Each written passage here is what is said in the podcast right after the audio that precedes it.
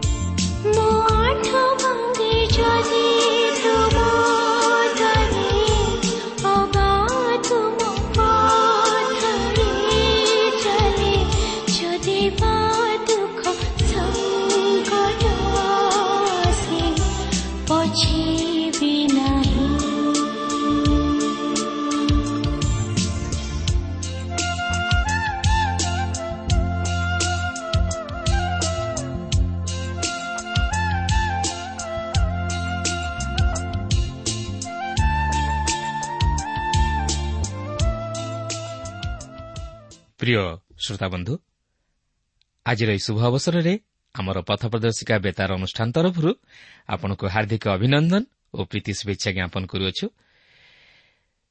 ଆଜି ଆପଣ ପ୍ରଭୁ ଯୀଶୁଙ୍କ ବିଷୟରେ ଜାଣିବା ନିମନ୍ତେ ରେଡିଓ ପାଖରେ ଅପେକ୍ଷା କରି ବସିଅଛନ୍ତି ବୋଲି ଜାଣି ଆମେ ବିଶେଷ ଖୁସି।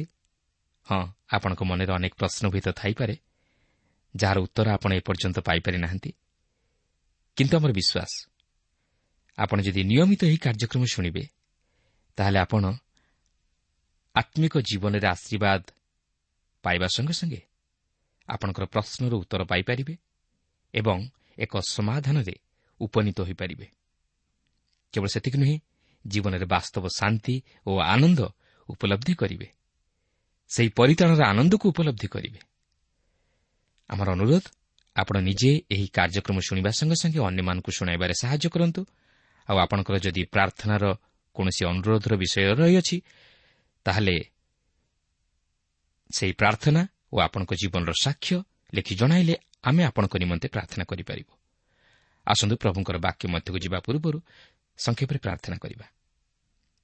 ପ୍ରିୟ ପବିତ୍ର ପ୍ରଭୁ ଆମମାନଙ୍କର ପବିତ୍ର ସ୍ୱର୍ଗବାସୀ ପିତା ତୁମର ପବିତ୍ର ନାମର ଧନ୍ୟବାଦ କରୁଅଛୁ। ତୁମର ଜୀବନ୍ତ ବାକ୍ୟ ପାଇଁ ତୁମର ଦୟା ଅନୁଗ୍ରହ ପାଇଁ। ପ୍ରଭୁ ଆଜି ମଧ୍ୟ ତୁମର ବାକ୍ୟ ମଧ୍ୟ ଦେଇ ତୁମେ ପ୍ରତ୍ୟେକ ଶ୍ରୋତାବନ୍ଧମାନଙ୍କ ହୃଦୟରେ କଥା କୁହ। ପ୍ରତ୍ୟେକଙ୍କର ଦୁଃଖ ତୁମେ ଦୂର କର। ପ୍ରତ୍ୟେକଙ୍କୁ ତୁମର ସେହି ଶାନ୍ତି ଆନନ୍ଦରେ ପରିପୂର୍ଣ୍ଣ କର। ପ୍ରତ୍ୟେକଙ୍କୁ ଆତ୍ମିକ ଜୀବନରେ ବର୍ଦ୍ଧିଷ୍ଣୁ ହେବା ନିମନ୍ତେ ସାହାଯ୍ୟ କର। ପ୍ରତ୍ୟେକଙ୍କର ମନୋବାଞ୍ଛା ତୁମେ ପୂର୍ଣ୍ଣ କର। ଆଜିର ଏହି କାର୍ଯ୍ୟକ୍ରମ ମଧ୍ୟ ଦେଇ ଆମମାନଙ୍କୁ ଆଶୀର୍ବାଦ କର। ଯୀଶୁଙ୍କ ନାମରେ ମାଗୁଅଛୁ।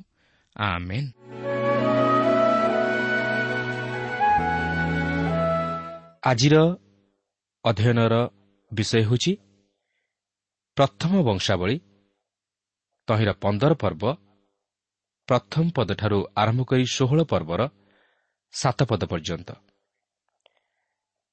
ତେବେ ଏଠାରେ ମୁଁ ଆପଣଙ୍କୁ ସ୍ମରଣ କରାଇଦିଏ ଯେ ଗତ ଆଲୋଚନାରେ ଆମେ ଦେଖିବାକୁ ପାରିଲୁ ଦାଉଦ ସଦାପ୍ରଭୁଙ୍କର ନିୟମ ସିନ୍ଧୁକକୁ ଅଭିନାଦବର ଗୃହରୁ ତାହାଙ୍କର ରାଜଧାନୀ ଜିରୁସାଲାମକୁ ଆଣିବାକୁ ଇଚ୍ଛା କରି ଯେଉଁ ପଦକ୍ଷେପ ନେଇଥିଲେ ତାହା ଯଦିଓ ଅତି ଉତ୍ତମ ଥିଲା ମାତ୍ର ଯେଉଁପରି ଭାବରେ ସେ ନିୟମ ସିନ୍ଧୁକକୁ ଆଣିଲେ ତାହା ସଦାପ୍ରଭୁଙ୍କ ଦୃଷ୍ଟିରେ ଉତ୍ତମ ନଥିଲା। ଫଳରେ ତହିଁରେ ତ୍ରୁଟି ଘଟିବାରୁ ଉଷର ମୃତ୍ୟୁ ଘଟିଲା ଓ ସେହି ନିୟମ ସିନ୍ଧୁକ ଜିରୁସାଲାମକୁ ଆସିବା ପରିବର୍ତ୍ତେ ପଥ ପାର୍ଶ୍ୱସ୍ଥ ଗାଥିୟ ଓବେଦ ଇଦମର ଗୃହରେ ରହିଲା ଓ ସେଠାରେ ତିନି ମାସ ପର୍ଯ୍ୟନ୍ତ ରହିଲା। କିନ୍ତୁ ଇତିମଧ୍ୟରେ ଦାଉଦଙ୍କର ଚିନ୍ତାଧାରା ଅନ୍ୟ ଦିଗ ଆଡ଼କୁ ଗତିଗଲା। ସେ ନିଜ ନିମନ୍ତେ ଗୃହ ନିର୍ମାଣ କରି ଓ ନିଜର ପାରିବାରିକ ଜୀବନ ପ୍ରତି ଦୃଷ୍ଟି ଦେଲେ ଓ ପଲେଷ୍ଟିୟମାନଙ୍କ ସହିତ ଦୁଇଥର ଯୁଦ୍ଧ କରି ସେମାନଙ୍କୁ ପରାସ୍ତ କଲେ ଓ ତାହାଙ୍କର ସୁଖ୍ୟାତି ସର୍ବଦେଶରେ ବ୍ୟାପିଗଲା। କିନ୍ତୁ ଆଜି ଆମେ ଏହି ପ୍ରଥମ ବଂଶାବଳୀ ପନ୍ଦର ପର୍ବରୁ ଷୋହଳ ପର୍ବ ମଧ୍ୟରେ ଦେଖିବାକୁ ଯିବା ଯେ ଦାଉଦ ବର୍ତ୍ତମାନ ନିୟମ ସିନ୍ଧୁକକୁ ଠିକ୍ ଭାବରେ ଆଣିବାକୁ ଯାଉଅଛନ୍ତି ଓ ତାହାକୁ ଉପଯୁକ୍ତ ସ୍ଥାନରେ ସ୍ଥାପନ କରୁଅଛନ୍ତି।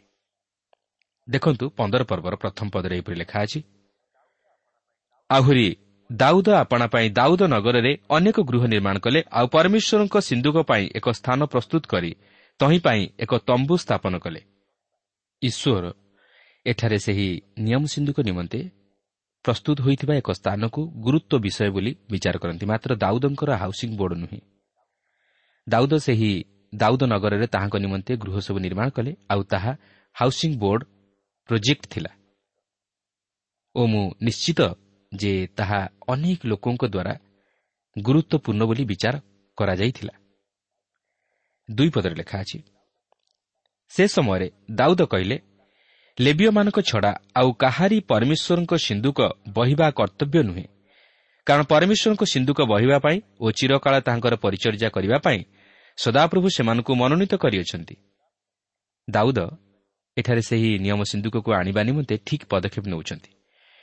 ସେଠାରେ ଲେବିୟମାନଙ୍କ ବ୍ୟତୀତ ଆଉ କାହାରିକି ସେହି ନିୟମ ସିନ୍ଧୁକ ବହିବା ନିମନ୍ତେ ଅନୁମତି ଦେଉନାହାନ୍ତି। କାରଣ ସଦାପ୍ରଭୁ ସେହି କାର୍ଯ୍ୟ ନିମନ୍ତେ ସେମାନଙ୍କୁ ମନୋନୀତ କରିଥିଲେ। କିନ୍ତୁ ମୁଁ ଭାବେ ଯେ ଦାଉଦ ଯଦି ପ୍ରଥମରୁ ଏହିପରି ନିଷ୍ପତ୍ତି ନେଇଥାନ୍ତେ ତାହେଲେ ଏତେ ସମସ୍ୟା ହୋଇନଥାନ୍ତା ମାତ୍ର ଏହା ମଧ୍ୟ ଦାଉଦଙ୍କ ନିମନ୍ତେ ଏକ ଶିକ୍ଷା ଥିଲା। ତାହା ନ ହୋଇଥିଲେ ସେ ତାହା ଜାଣିପାରି ନଥାନ୍ତେ ଓ ଆଜି ଏହା ମଧ୍ୟ ଆମମାନଙ୍କ ନିମନ୍ତେ ଏକ ଶିକ୍ଷା ଯେ ଯଦି ଆମମାନେ ଆମମାନଙ୍କ ଜୀବନରେ ଭୁଲ ନ କରୁ ତାହେଲେ ଆମେ ଅନେକ ବିଷୟ ଶିକ୍ଷା କରିପାରିବା ନାହିଁ। କି ଈଶ୍ୱରଙ୍କ ମହତ୍ ଅଭିମତକୁ ବୁଝି ତାହାଙ୍କର ଇଚ୍ଛା ଅନୁଯାୟୀ କାର୍ଯ୍ୟ ସାଧନ କରିପାରିବା ନାହିଁ। ମନୁଷ୍ୟ ତା ଜୀବନରେ ଅନେକ ଭୁଲ ତ୍ରୁଟି କରିପାରେ କିନ୍ତୁ ସେ ଯଦି ସେହି ତ୍ରୁଟିକୁ ତ୍ରୁଟି ବୋଲି ଜାଣି ତାହାକୁ ସଂଶୋଧନ କରେ ତାହେଲେ ତାହା ନିମନ୍ତେ ତାହା ଶିକ୍ଷାର ବିଷୟ ହୁଏ। ବିନାଶର କାରଣ ହୁଏ ନାହିଁ ମାତ୍ର ଉଦ୍ଧାରର କାରଣ ହୁଏ। ଅଭିଶାପର କାରଣ ହୁଏ ନାହିଁ ମାତ୍ର ଆଶୀର୍ବାଦର କାରଣ ହୁଏ। ଆମେ ପ୍ରତ୍ୟେକ ତାହା ଜାଣୁ। ତିନି ପଦରେ ଲେଖା ଅଛି ଏଉତାରେ ସଦାପ୍ରଭୁଙ୍କ ସିନ୍ଧୁକ ନିମନ୍ତେ ଦାଉଦ ଯେଉଁ ସ୍ଥାନ ପ୍ରସ୍ତୁତ କରିଥିଲେ ସେହି ସ୍ଥାନକୁ ତାହା ଆଣିବା ପାଇଁ ସେ ସମସ୍ତ ଇସ୍ରାଏଲ୍କୁ ଜିରୁସାଲାମରେ ଏକତ୍ର କଲେ। ରାଜା ଦାଉଦ ଚିନ୍ତା କଲେ ଯେ ସଦାପ୍ରଭୁଙ୍କ ନିୟମ ସିନ୍ଧୁକକୁ ଆଣିବା ନିମନ୍ତେ ସମସ୍ତ ଇସ୍ରାଏଲ୍ ଲୋକଙ୍କୁ ଏକତ୍ର କରିବା ଗୁରୁତ୍ୱପୂର୍ଣ୍ଣ ବିଷୟ। ଏବଂ ଈଶ୍ୱର ମଧ୍ୟ ଚିନ୍ତା କଲେ ଯେ ଏହା ଗୁରୁତ୍ୱପୂର୍ଣ୍ଣ। ଏହି କାରଣରୁ ସେ ଏହି ବିଷୟକୁ ଏହି ବଂଶାବଳୀ ପୁସ୍ତକରେ ପ୍ରକାଶ କରିଅଛନ୍ତି ଯାହାକି ଏହି ଐତିହାସିକ ସମୟ ତାହାଙ୍କର ଦୃଷ୍ଟିକୋଣକୁ ଉପସ୍ଥାପିତ କରେ। ବର୍ତ୍ତମାନ ରାଜା ଦାଉଦ ସେହି ନିୟମ ସିନ୍ଧୁକକୁ ବହନ କରି ଆଣିବା ନିମନ୍ତେ ଉପଯୁକ୍ତ ଉପାୟ ଅବଲମ୍ବନ କରିବାକୁ ଯାଉଅଛନ୍ତି। ଦେଖନ୍ତୁ ଚାରିପଦରେ ଲେଖା ଅଛି। ଆଉ ଦାଉଦ ହାରୁଣ ସନ୍ତାନଗଣକୁ ଓ ଲେବିୟମାନଙ୍କୁ ଏକତ୍ର କଲେ। ଏହା ହିଁ ଥିଲା ଉପଯୁକ୍ତ ପଦକ୍ଷେପ। କାରଣ ସେହି ନିୟମ ସିନ୍ଧୁକ ଯାଜକମାନଙ୍କର ସ୍କନ୍ଧରେ ବହନ କରାଯିବାକୁ ଥିଲା। ତେଣୁକରି ସେ ହାରଣ ସନ୍ତାନଗଣକୁ ଓ ଲେବିୟମାନଙ୍କୁ ଏକତ୍ର କଲେ। କାରଣ ସେମାନେ ଯାଜକୀୟ କାର୍ଯ୍ୟରେ ନିୟୋଜିତ ହୋଇଥିଲେ। ଏହାପରେ ଏଗାର ଓ ବାର ପଦରେ ଲେଖା ଅଛି। ପୁଣି ଦାଉଦ ସାଦକ ଓ ଅବ୍ୟାଥର ଯାଜକମାନଙ୍କୁ ଓ ଲେବିୟମାନଙ୍କୁ ଉରିଏଲ୍କୁ ଅସାୟକୁ ଓ ଜୋଏଲ୍କୁ ସମୟକୁ ଓ ଇଲିଏଲ୍କୁ ଓ ଅମିନାଦବକୁ ଡାକି କହିଲେ ତୁମେମାନେ ଲେବିୟମାନଙ୍କ ପିତୃବଂଶର ପ୍ରଧାନ। ମୁଁ ଇସ୍ରାଏଲ୍ର ପରମେଶ୍ୱର ସଦାପ୍ରଭୁଙ୍କ ସିନ୍ଧୁକ ନିମନ୍ତେ ଯେଉଁ ସ୍ଥାନ ପ୍ରସ୍ତୁତ କରିଅଛି ସେହି ସ୍ଥାନକୁ ତାହା ଆଣିବା ପାଇଁ ତୁମେମାନେ ଓ ତୁମମାନଙ୍କ ଭ୍ରାତୃଗଣ ଉଭୟ ଆପଣାମାନଙ୍କୁ ପବିତ୍ର କର ରାଜା ଦାଉଦ ନିୟମ ସିନ୍ଧୁକକୁ ରଖିବା ନିମନ୍ତେ ଏକ ସ୍ଥାନ ନିରୂପଣ କରିଥିଲେ। ମାତ୍ର ଏହି ସ୍ଥାନ ପ୍ରକୃତ କେଉଁ ସ୍ଥାନରେ ଥିଲା ସେହି ବିଷୟରେ କିଛି କୁହାଯାଇ ନାହିଁ। ତେବେ ଏହା କ'ଣ ସେହି ଅର୍ଣ୍ଣର ଶସ୍ୟବର୍ଦ୍ଧନ ସ୍ଥାନ ଥିଲା? କାରଣ ପରେ ସେ ସେହି ସ୍ଥାନଟିକୁ କିଣିଥିଲେ ଯେଉଁଠାରେ କି ମନ୍ଦିର ନିର୍ମିତ ହେବାକୁ ଥିଲା। ଏହା ସେହି ସଂକୀର୍ଣ୍ଣ ପର୍ବତ ଶିଖର ଉପରେ ଥିଲା ଯାହାକୁ ମୋରିଆ ପର୍ବତ କୁହାଯାଉଥିଲା। ଯେଉଁ ସ୍ଥାନରେ କି ଅବ୍ରାହମ୍ ତାହାଙ୍କ ପୁତ୍ର ଇସାହାକଙ୍କୁ ବଳିଦାନ ନିମନ୍ତେ ଉତ୍ସର୍ଗ କରିବାକୁ ନେଇଥିଲେ ସେହି ପର୍ବତ ଶିଖର ଠିକ୍ ଜିରୁସାଲମ ଓ ଗଲଗଥା ମଧ୍ୟ ଦେଇ ଯାଇଥିଲା। ଯେଉଁ ସ୍ଥାନରେ କି ପ୍ରଭୁ ଯୀଶୁଖ୍ରୀଷ୍ଟ କୃଷାର୍ପିତ ହୋଇଥିଲେ ତାହା ମଧ୍ୟ ସେହି ସ୍ଥାନରେ ଅବସ୍ଥିତ ଥିଲା। ମୋର କହିବାର କଥା ରାଜା ଦାଉଦ ସେହି ନିୟମ ସିନ୍ଧୁକ ନିମନ୍ତେ ଯେଉଁ ସ୍ଥାନ ନିରୂପଣ କରିଥିଲେ ତାହା ମୋରିଆ ପର୍ବତ ଉପରେ ଥିଲା। ତେର ପଦରେ ଲେଖା ଅଛି କାରଣ ପ୍ରଥମ ଥର ତୁମେମାନେ ତାହା ନ ବହିବାରୁ ସଦାପ୍ରଭୁ ଆମମାନଙ୍କ ପରମେଶ୍ୱର ଆମମାନଙ୍କୁ ଆକ୍ରମଣ କଲେ। ଯେଣୁ ଆମ୍ଭେମାନେ ବିଧିମତେ ତାହାଙ୍କର ଅନ୍ୱେଷଣ ନ କଲୁ। ଆପଣଙ୍କର ମନେଥିବ ଯେ ଦାଉଦ ପ୍ରଥମେ ଈଶ୍ୱରଙ୍କୁ ଦୋଷାରୋପ କରିଥିଲେ କାରଣ ସେ ଭାବୁଥିଲେ ଈଶ୍ୱର ଉଷର ମୃତ୍ୟୁ ଘଟାଇବା ଦ୍ୱାରା ଭୁଲ କରିଅଛନ୍ତି। ମାତ୍ର ପରେ ସେ ନିଜେ ଜାଣିବାକୁ ପାରିଲେ ଯେ ସେ ନିଜେ ହିଁ ଏଥିନିମନ୍ତେ ଦୋଷୀ ଓ ସେ ତାହା ଏଠାରେ ସ୍ୱୀକାର କରୁଅଛନ୍ତି। ଚଉଦ ପଦରେ ଲେଖା ଅଛି ତେଣୁ ଯାଜକମାନେ ଓ ଲେବିୟମାନେ ଇସ୍ରାଏଲ୍ର ପରମେଶ୍ୱର ସଦାପ୍ରଭୁଙ୍କ ସିନ୍ଧୁକ ଆଣିବା ନିମନ୍ତେ ଆପଣମାନଙ୍କୁ ପବିତ୍ର କଲେ। ଏଠାରେ ଏକ ପୁନରୁକ୍ତିର ବିଷୟ ଆପଣ କେବେ ଲକ୍ଷ୍ୟ କରିଅଛନ୍ତି? ଇସ୍ରାଏଲ୍ର ପରମେଶ୍ୱର ସଦାପ୍ରଭୁଙ୍କ ସିନ୍ଧୁକ ଏଠାରେ ଆମେ ଏହି ହୃଦ୍ବୋଧ ପାଉଅଛୁ ଯେ ନିୟମ ସିନ୍ଧୁକ ଈଶ୍ୱରଙ୍କ ନିମନ୍ତେ ଅତି ଗୁରୁତ୍ୱପୂର୍ଣ୍ଣ। ଯେଉଁ ନିୟମ ସିନ୍ଧୁକକୁ ବହନ କରି ଆଣିବା ନିମନ୍ତେ ଯାଜକମାନେ ଓ ଲେବିୟମାନେ ଆପଣମାନଙ୍କୁ ପବିତ୍ର କଲେ। ପନ୍ଦର ପଦରେ ଲେଖା ଅଛି ପୁଣି ସଦାପ୍ରଭୁଙ୍କ ବାକ୍ୟ ପ୍ରମାଣେ ମୋଷା ଯେପରି ଆଜ୍ଞା କରିଥିଲେ ତଦନୁସାରେ ଲେବିୟ ସନ୍ତାନମାନେ ପରମେଶ୍ୱରଙ୍କ ସିନ୍ଧୁକକୁ ତହିଁର ସାଙ୍ଗୀ ଦ୍ୱାରା ଆପଣା ଆପଣା କାନ୍ଧରେ ବହିଲେ। ଗଣନା ପୁସ୍ତକ ଚାରି ପର୍ବରେ ନିୟମ ସିନ୍ଧୁକ ବହନ କରିବା ନିମନ୍ତେ ସଦାପ୍ରଭୁ ମୋଷାଙ୍କୁ ଯେଉଁ ପରାମର୍ଶ ଦେଇଥିଲେ ତାହା ଦାଉଦ ଏଠାରେ ପ୍ରୟୋଗ କରୁଅଛନ୍ତି। ରାଜା ଦାଉଦଙ୍କୁ ଆମେ ଜାଣୁ ଯେ ସେ ଜଣେ ସଙ୍ଗୀତଜ୍ଞ ଥିଲେ ଓ ସେ ଏହି ବିଷୟ ସବୁରେ ସଙ୍ଗୀତକୁ ପସନ୍ଦ କରିଥିଲେ। ଷୋଳ ପଦରେ ଲେଖା ଅଛି ଆଉ ଦାଉଦ ଲେବିୟମାନଙ୍କର ପ୍ରଧାନ ବର୍ଗଙ୍କୁ କହିଲେ ତୁମେମାନେ ଆପଣମାନଙ୍କ ଗାୟକ ଭ୍ରାତୃଗଣକୁ ନେବଲ ଓ ବୀଣା ଓ କରତାଳ ବାଦ୍ୟଯନ୍ତ୍ର ନେଇ ଉଚ୍ଚସ୍ୱରରେ ଆନନ୍ଦଧ୍ୱନି କରିବା ପାଇଁ ନିଯୁକ୍ତ କର। ଦାଉଦ ସେହି ନିୟମ ସିନ୍ଧୁକକୁ ବହନ କରି ଆଣିବା ସମୟରେ ସଙ୍ଗୀତର ଆୟୋଜନ କରିଥିଲେ। ଯେତେବେଳେ ସେହି ନିୟମ ସିନ୍ଧୁକ ଜିରୁସାଲାମକୁ ଅଣାଗଲା ସେହିଦିନ ଏକ ମହାନ ଦିନ ହିସାବରେ ପାଳିତ ହେବାକୁ ଥିଲା। ଦାଉଦ ରାଜା ଜିରୁସାଲାମକୁ ଆସିବାରେ ଏହା ଥିଲା ସବୁଠାରୁ ଶ୍ରେଷ୍ଠତର ବିଷୟ। ଦାଉଦ ରାଜା ଜୀବୁଷୀୟମାନଙ୍କ ହସ୍ତରୁ ଜିରୁସାଲାମକୁ ଅଧିକାର କରିବା ନିମନ୍ତେ ଆସିବାର ବିଷୟକୁ ଏପରିକି ଈଶ୍ୱର ବର୍ଣ୍ଣନା କରିନାହାନ୍ତି। କିମ୍ବା ସେ ଯେଉଁ ଗୃହ ନିର୍ମାଣ କାର୍ଯ୍ୟ ସମାପ୍ତ କରିଥିଲେ ତାହା ମଧ୍ୟ ବର୍ଣ୍ଣନା କରିନାହାନ୍ତି। ଈଶ୍ୱର ଏଠାରେ ଆତ୍ମିକ ବିଷୟ ଉପରେ ବିଶେଷ ଗୁରୁତ୍ୱ ଦେଇଅଛନ୍ତି ଏବଂ ମୋର ବିଶ୍ୱାସ ଯେ ଆମେ ଏଥିରୁ ମଧ୍ୟ ଶିକ୍ଷା ପାଉଅଛୁ। ଆମେ ଈଶ୍ୱରଙ୍କ ବିଷୟକୁ ପ୍ରଥମ ସ୍ଥାନ ଦେବା ଉଚିତ ଓ ଈଶ୍ୱରଙ୍କ ବିଷୟରେ ଉଦ୍ୟୋଗୀ ହେବା ଉଚିତ ଓ ଈଶ୍ୱରଙ୍କ ବାକ୍ୟକୁ ଗୁରୁତ୍ୱ ଦେବା ଉଚିତ। ଖ୍ରୀଷ୍ଟଙ୍କ ନିମନ୍ତେ ଆମ୍ଭମାନଙ୍କ ହୃଦୟରେ ସ୍ଥାନ ପ୍ରସ୍ତୁତ କରି ରଖିବା ଉଚିତ। ପଚିଶ ପଦରେ ଲେଖା ଅଛି ତହୁ ଦାଉଦ ଓ ଇସ୍ରାଏଲ୍ର ପ୍ରାଚୀନ ବର୍ଗ ଓ ସହସ୍ରପତିମାନେ ଓବେଦ ଇଦମର ଗୃହରୁ ଆନନ୍ଦପୂର୍ବକ ସଦାପ୍ରଭୁଙ୍କ ନିୟମ ସିନ୍ଧୁକ ଆଣିବାକୁ ଗଲେ। ଆପଣଙ୍କର ମନେଥିବ ଯେ ଏହି ନିୟମ ସିନ୍ଧୁକ ମଧ୍ୟରେ ଆସିବା ସମୟରେ ଓବେଦ ଇଦମର ଗୃହରେ ରହିଥିଲା ଓ ବର୍ତ୍ତମାନ ଦାଉଦ ଓ ତାହାଙ୍କର ଲୋକମାନେ ସେହି ନିୟମ ସିନ୍ଧୁକକୁ ଓବେଦ ଇଦମର ଗୃହରୁ ଆଣିବାକୁ ଯାଉଅଛନ୍ତି। ବାସ୍ତବରେ ଏହି ଦିନ କେତେ ମହାନ ଦିନ ଥିଲା। ଛବିଶ ପଦରେ ଲେଖା ଅଛି ପୁଣି ଯେଉଁ ଲେବିୟମାନେ ସଦାପ୍ରଭୁଙ୍କ ନିୟମ ସିନ୍ଧୁକ ବହିଲେ ପରମେଶ୍ୱର ସେମାନଙ୍କର ସାହାଯ୍ୟ କରନ୍ତେ ସେମାନେ ସାତ ବଳଦ ଓ ସାତ ମେଷ ବଳିଦାନ କଲେ। ତେବେ ଏହି ସମସ୍ତ ବଳିଦାନ ଖ୍ରୀଷ୍ଟଙ୍କୁ ଉପସ୍ଥାପିତ କରେ କାରଣ ଖ୍ରୀଷ୍ଟ ହିଁ ସମସ୍ତ ବଳିଦାନର ଅନ୍ତ। ଏହାପରେ ସତେଇଶରୁ ଅଠେଇଶ ପଦରେ ଏହିପରି ଲେଖା ଅଛି ଆଉ ଦାଉଦ ଓ ସିନ୍ଧୁକ ବାହକ ଲେବିୟମାନେ ଓ ଗାୟକମାନେ ଓ ଗାୟକମାନଙ୍କ ସହିତ ଗୀତ ଶିକ୍ଷକ କନନୀୟ ସମସ୍ତେ ଶୁଭ୍ର ଖୋମ ବସ୍ତ୍ରର ଚୋଗା ପିନ୍ଧିଥିଲେ। ଆଉ ଦାଉଦଙ୍କର ଦେହରେ ଶୁଭ୍ର ଖୋମ ବସ୍ତ୍ରର ଏଫୋଦ ଥିଲା।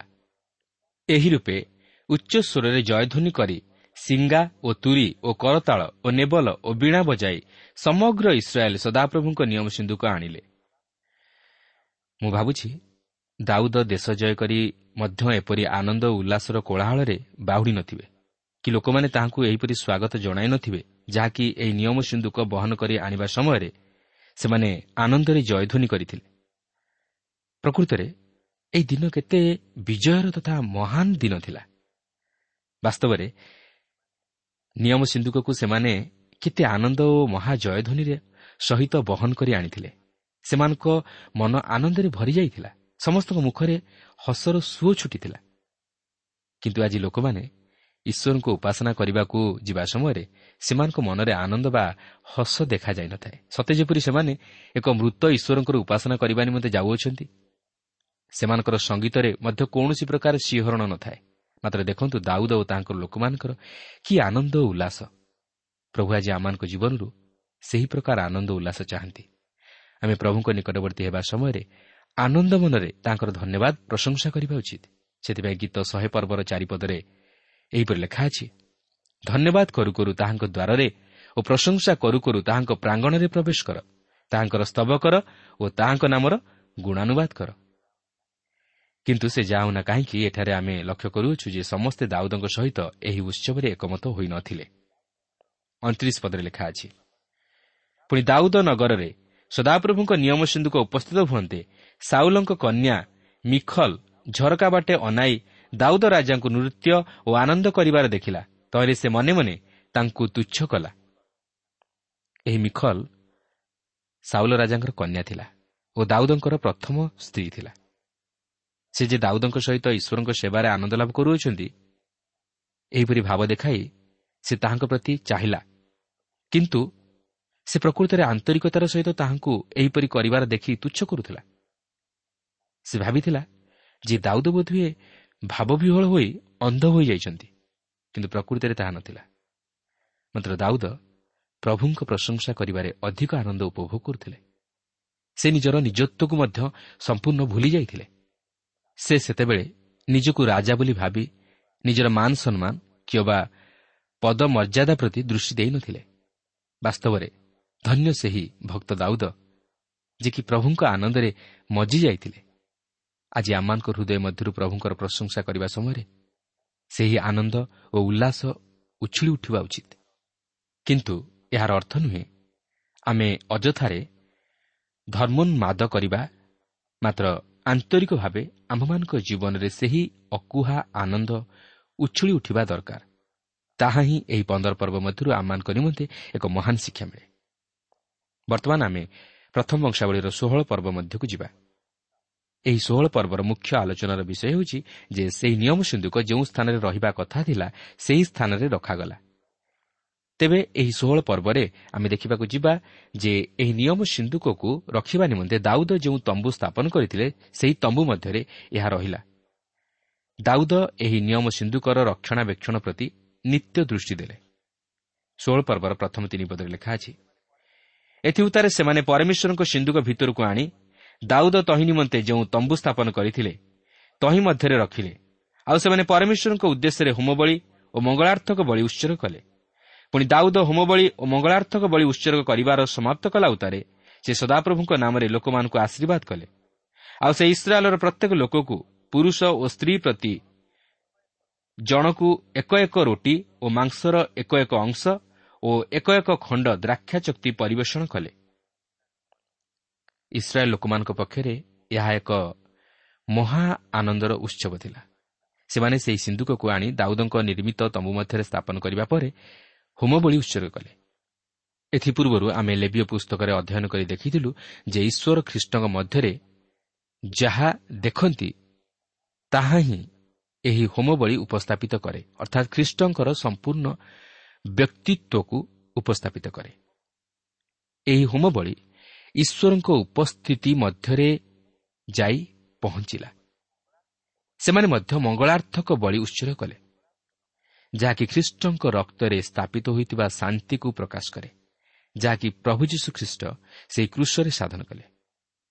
ପ୍ରତ୍ୟେକ ବିଷୟ ଈଶ୍ୱର ଓ ଆମମାନଙ୍କ ମଧ୍ୟରେ ଠିକ୍ ଥାଏ। ଯେତେବେଳେ ଆମେ ଈଶ୍ୱରଙ୍କ ଇଚ୍ଛା ଅନୁଯାୟୀ ଖ୍ରୀଷ୍ଟଙ୍କ ମଧ୍ୟ ଦେଇ ତାହାଙ୍କର ନିକଟବର୍ତ୍ତୀ ହେଉ ଖ୍ରୀଷ୍ଟଙ୍କ ବ୍ୟକ୍ତିତ୍ୱର ମହିମା ଓ ସେ ଯେ ପାପିର ଉଦ୍ଧାର ନିମନ୍ତେ ତାହାଙ୍କର ପବିତ୍ର ରକ୍ତ ଢାଳି ଅଛନ୍ତି ସେହି ସୁଷମାଚାର ଆମେ ଏହି ପୁରାତନ ନିୟମରେ ଲକ୍ଷ୍ୟ କରିବାକୁ ପାରୁଅଛୁ। ଷୋହଳ ପର୍ବର ଚାରିପଦରେ ଲେଖା ଅଛି ଏଉତାରେ ସେ ସଦାପ୍ରଭୁଙ୍କ ସିନ୍ଧୁକ ସମ୍ମୁଖରେ ପରିଚର୍ଯା କରିବା ପାଇଁ ଓ ସଦାପ୍ରଭୁ ଇସ୍ରାଏଲ୍ର ପରମେଶ୍ୱରଙ୍କୁ ସ୍ମରଣ ଓ ଧନ୍ୟବାଦ ଓ ପ୍ରଶଂସା କରିବା ପାଇଁ କେତେକ ଲେବିଓ ଲୋକଙ୍କୁ ନିଯୁକ୍ତ କଲେ। ଏଥିରୁ ଆମକୁ ଏହି ଶିକ୍ଷା ମିଳେ ଯେ ଆମେ ଈଶ୍ୱରଙ୍କ ବାକ୍ୟରେ ପୁରାପୁରି ମଜିଯିବା ଉଚିତ। ଯେପରି ଆମେ ଈଶ୍ୱରଙ୍କର ଧନ୍ୟବାଦ ଓ ପ୍ରଶଂସା କରୁଅଛୁ ବୋଲି ଅନୁଭବ କରିବାକୁ ପାରିବା। ଦାଉଦ ଏହି ନିୟମ ସିନ୍ଧୁକର ରକ୍ଷଣାବେକ୍ଷଣ ନିମନ୍ତେ ଏକ ନିର୍ଦ୍ଦିଷ୍ଟ ଦଳର ଲୋକମାନଙ୍କୁ ନିଯୁକ୍ତି ଦେଇଥିଲେ। ଅର୍ଥାତ୍ ଲେବିଓ ଲୋକଙ୍କୁ ନିଯୁକ୍ତ କଲେ।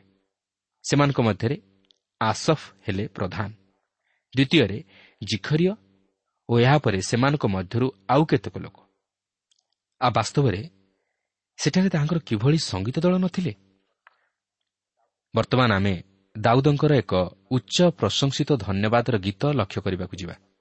ଦେଖନ୍ତୁ ଷୋହଳ ପର୍ବର ସାତ ପଦରେ ଲେଖା ଅଛି ଆଉ ସେହିଦିନ ଦାଉଦ ପ୍ରଥମେ ସଦାପ୍ରଭୁଙ୍କ ଉଦ୍ଦେଶ୍ୟରେ ଧନ୍ୟବାଦ କରିବାର ଭାର ଆସଫ ଓ ତାହାର ଭ୍ରାତୃଗଣର ହସ୍ତରେ ସମର୍ପଣ କଲେ।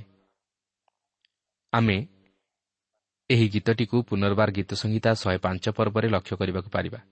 ସେଠାରେ ଏହିପରି ଲେଖା ଅଛି ସଦାପ୍ରଭୁଙ୍କର ଧନ୍ୟବାଦ କର ତାହାଙ୍କ ନାମରେ ପ୍ରାର୍ଥନା କର ଗୋଷ୍ଠୀବର୍ଗ ମଧ୍ୟରେ ତାହାଙ୍କ କ୍ରିୟା ସକଳ ଜଣାଅ ତାହାଙ୍କ ଉଦ୍ଦେଶ୍ୟରେ ଗାନ କର ତାହାଙ୍କ ଉଦ୍ଦେଶ୍ୟରେ ପ୍ରଶଂସା ଗାନ କର ତୁମେମାନେ ତାହାଙ୍କର ସକଳ ଆଶ୍ଚର୍ଯ୍ୟ କ୍ରିୟା ବିଷୟରେ କଥୋପକଥନ କର।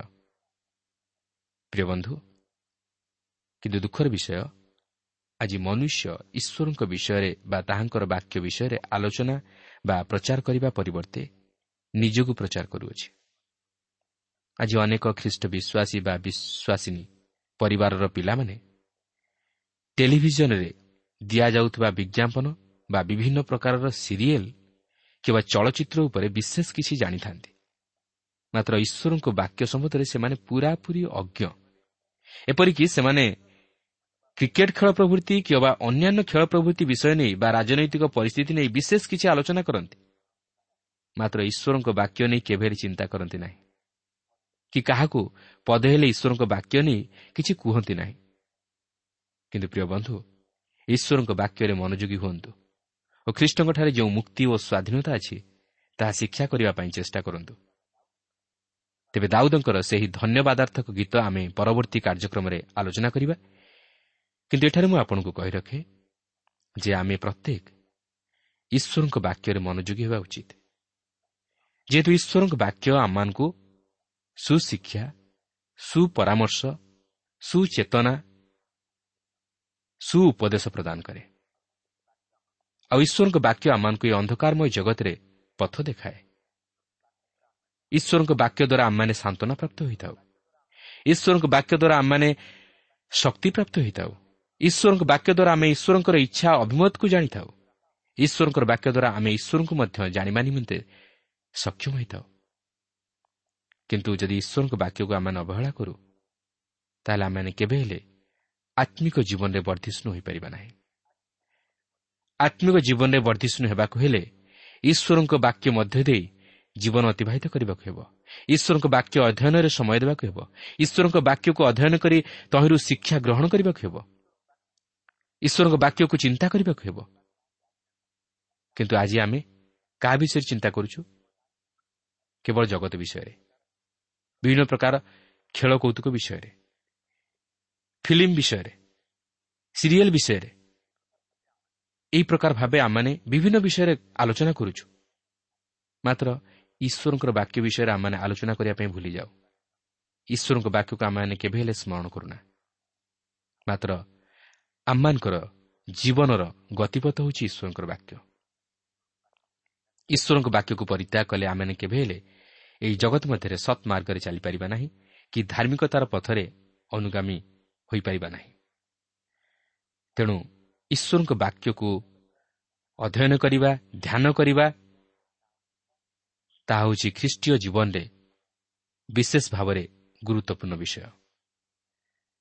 ତେଣୁ ଆସୁ ଈଶ୍ୱରଙ୍କ ବାକ୍ୟକୁ ପ୍ରଥମ ସ୍ଥାନ ଦେଉ ଈଶ୍ୱରଙ୍କ ବିଷୟକୁ ପ୍ରଥମ ସ୍ଥାନ ଦେଉ ଈଶ୍ୱରଙ୍କୁ ମଧ୍ୟ ଆମମାନଙ୍କ ଜୀବନରେ ପ୍ରଥମ ସ୍ଥାନ ଦେଉ ଏବଂ ଈଶ୍ୱରଙ୍କର ଇଚ୍ଛା ନିର୍ଦ୍ଦେଶ ଲୋଡ଼ି ସମସ୍ତ କାର୍ଯ୍ୟ କରି ତାହାଙ୍କୁ ଗୌରବ ଦେବା ନିମନ୍ତେ ଚେଷ୍ଟା କରୁ। ତେଣୁ ପ୍ରିୟ ବନ୍ଧୁ ଈଶ୍ୱରଙ୍କ ବାକ୍ୟରେ ମନୋଯୋଗ କରିବା ଆମମାନଙ୍କର ନିତାନ୍ତ ଆବଶ୍ୟକ। କାରଣ ଈଶ୍ୱରଙ୍କର ବାକ୍ୟ ବିହୀନ ଜୀବନ ଏକ ବିଫଳତାର ଜୀବନ ଏକ ଅବାଧ୍ୟତାର ଜୀବନ। ତେଣୁ ଆମମାନେ ଈଶ୍ୱରଙ୍କ ବାକ୍ୟରେ ଯଦି ମନୋଯୋଗ କରୁ ତାହେଲେ ଆମେ ନିଶ୍ଚିତ ଭାବରେ ଜୀବନରେ ସଫଳତାର ପଥରେ ଅଗ୍ରସର ହୋଇପାରିବା କାରଣ ଈଶ୍ୱରଙ୍କ ବାକ୍ୟ ମଧ୍ୟରେ ଆମମାନଙ୍କୁ ସମସ୍ତ ବିଷୟରେ ଶିକ୍ଷା ଦିଆଯାଇଅଛି। କେବଳ ସେତିକି ନୁହେଁ ଈଶ୍ୱରଙ୍କ ବାକ୍ୟ ଆମମାନଙ୍କ ନିମନ୍ତେ ଶାନ୍ତିଦାୟକ ଶକ୍ତିଦାୟକ ସାନ୍ତ୍ୱନାଦାୟକ ଭରସାଦାୟକ ଏବଂ ଆମମାନଙ୍କ ପାଇଁ ଅନନ୍ତ ଜୀବନଦାୟକ। ଈଶ୍ୱରଙ୍କର ବାକ୍ୟ ବିହୀନ ଜୀବନ ହେଉଛି ଏକ ଶୁଷ୍କ ଜୀବନ। ଆମମାନେ ଆସୁ ଈଶ୍ୱରଙ୍କର ପଥରେ ଅଗ୍ରସର ହେବା ସଙ୍ଗେ ସଙ୍ଗେ।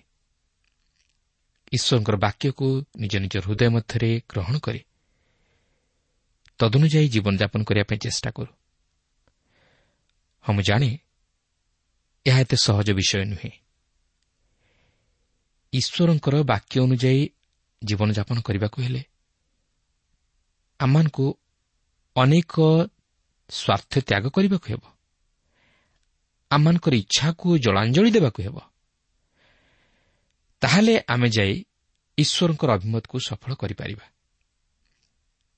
କାରଣ ଈଶ୍ୱରଙ୍କର ଚିନ୍ତାଧାରା ଆମମାନଙ୍କର ଚିନ୍ତାଧାରାଠାରୁ ଭିନ୍ନ ତାହାଙ୍କର ସଂକଳ୍ପ ଆମମାନଙ୍କର ସଂକଳ୍ପଠାରୁ ଅନେକ ଉଚ୍ଚତର ଏବଂ ତାହାଙ୍କର ବିଚାର ଆମମାନଙ୍କର ବିଚାରଧାରାଠାରୁ ଯଥେଷ୍ଟ ନ୍ୟାୟଜନକ ଏବଂ ଯଥେଷ୍ଟ ଶ୍ରେଷ୍ଠତର। ତେଣୁ ଈଶ୍ୱରଙ୍କର ବାକ୍ୟ ହିଁ ଆମମାନଙ୍କ ଜୀବନର ମାନଦଣ୍ଡ। ଯେଉଁମାନେ ଈଶ୍ୱରଙ୍କର ବାକ୍ୟ ଅନୁଯାୟୀ ଜୀବନଯାପନ କରନ୍ତି ସେମାନେ ଈଶ୍ୱରଙ୍କର ଆଶୀର୍ବାଦର ଅଧିକାରୀ ହୁଅନ୍ତି।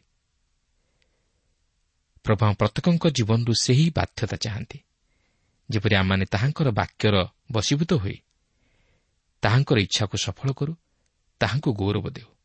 ପ୍ରଭା ପ୍ରତ୍ୟେକଙ୍କୁ ଏହି ସଂକ୍ଷିପ୍ତ ଆଲୋଚନା ମଧ୍ୟ ଦେଇ ଆଶୀର୍ବାଦ କରନ୍ତୁ।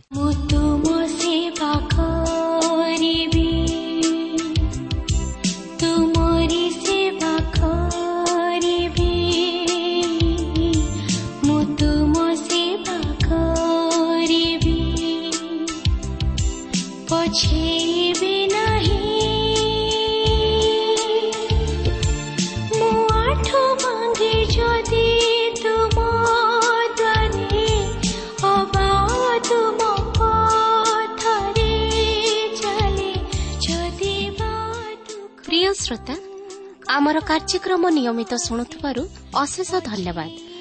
ଆପଣ ଏହି କାର୍ଯ୍ୟକ୍ରମ ଶୁଣିବା ଦ୍ୱାରା ଆତ୍ମିକ ଜୀବନରେ ଉପକୃତ ହୋଇପାରିଥିବେ ବୋଲି ଆମର ବିଶ୍ୱାସ। ପ୍ରଭୁ ଯୀଶୁଙ୍କ ବିଷୟରେ ଅଧିକ ଜାଣିବାର ଆଗ୍ରହ ଥିଲେ ଅଥବା ଉପାଦେୟ ପୁସ୍ତକର ଆବଶ୍ୟକ ଥିଲେ ଆମ ସହ ଯୋଗାଯୋଗ କରନ୍ତୁ। ଆମର ଠିକଣା ପଥ ପ୍ରଦର୍ଶିକା trans world radio India post box number ତିନି ତିନି ଭୁବନେଶ୍ୱର ସାତ ପାଞ୍ଚ ଏକ ଶୂନ ଶୂନ ଏକ। Mobile number nine seven double seven double two one four one five ଠିକଣାଟି ଆଉଥରେ ଶୁଣନ୍ତୁ। ପଥ ପ୍ରଦର୍ଶିକା trans world radio India post box number three three Bhubaneswar seven five one zero zero one mobile number nine seven double seven double two one four one five ଆମର email ଆଡ୍ରେସ୍ଟି ଲେଖି ରଖନ୍ତୁ। Odia TV at radio eight eight two dot com ତେବେ ଆଜି ପାଇଁ ବିଦାୟ ଦିଅନ୍ତୁ ନମସ୍କାର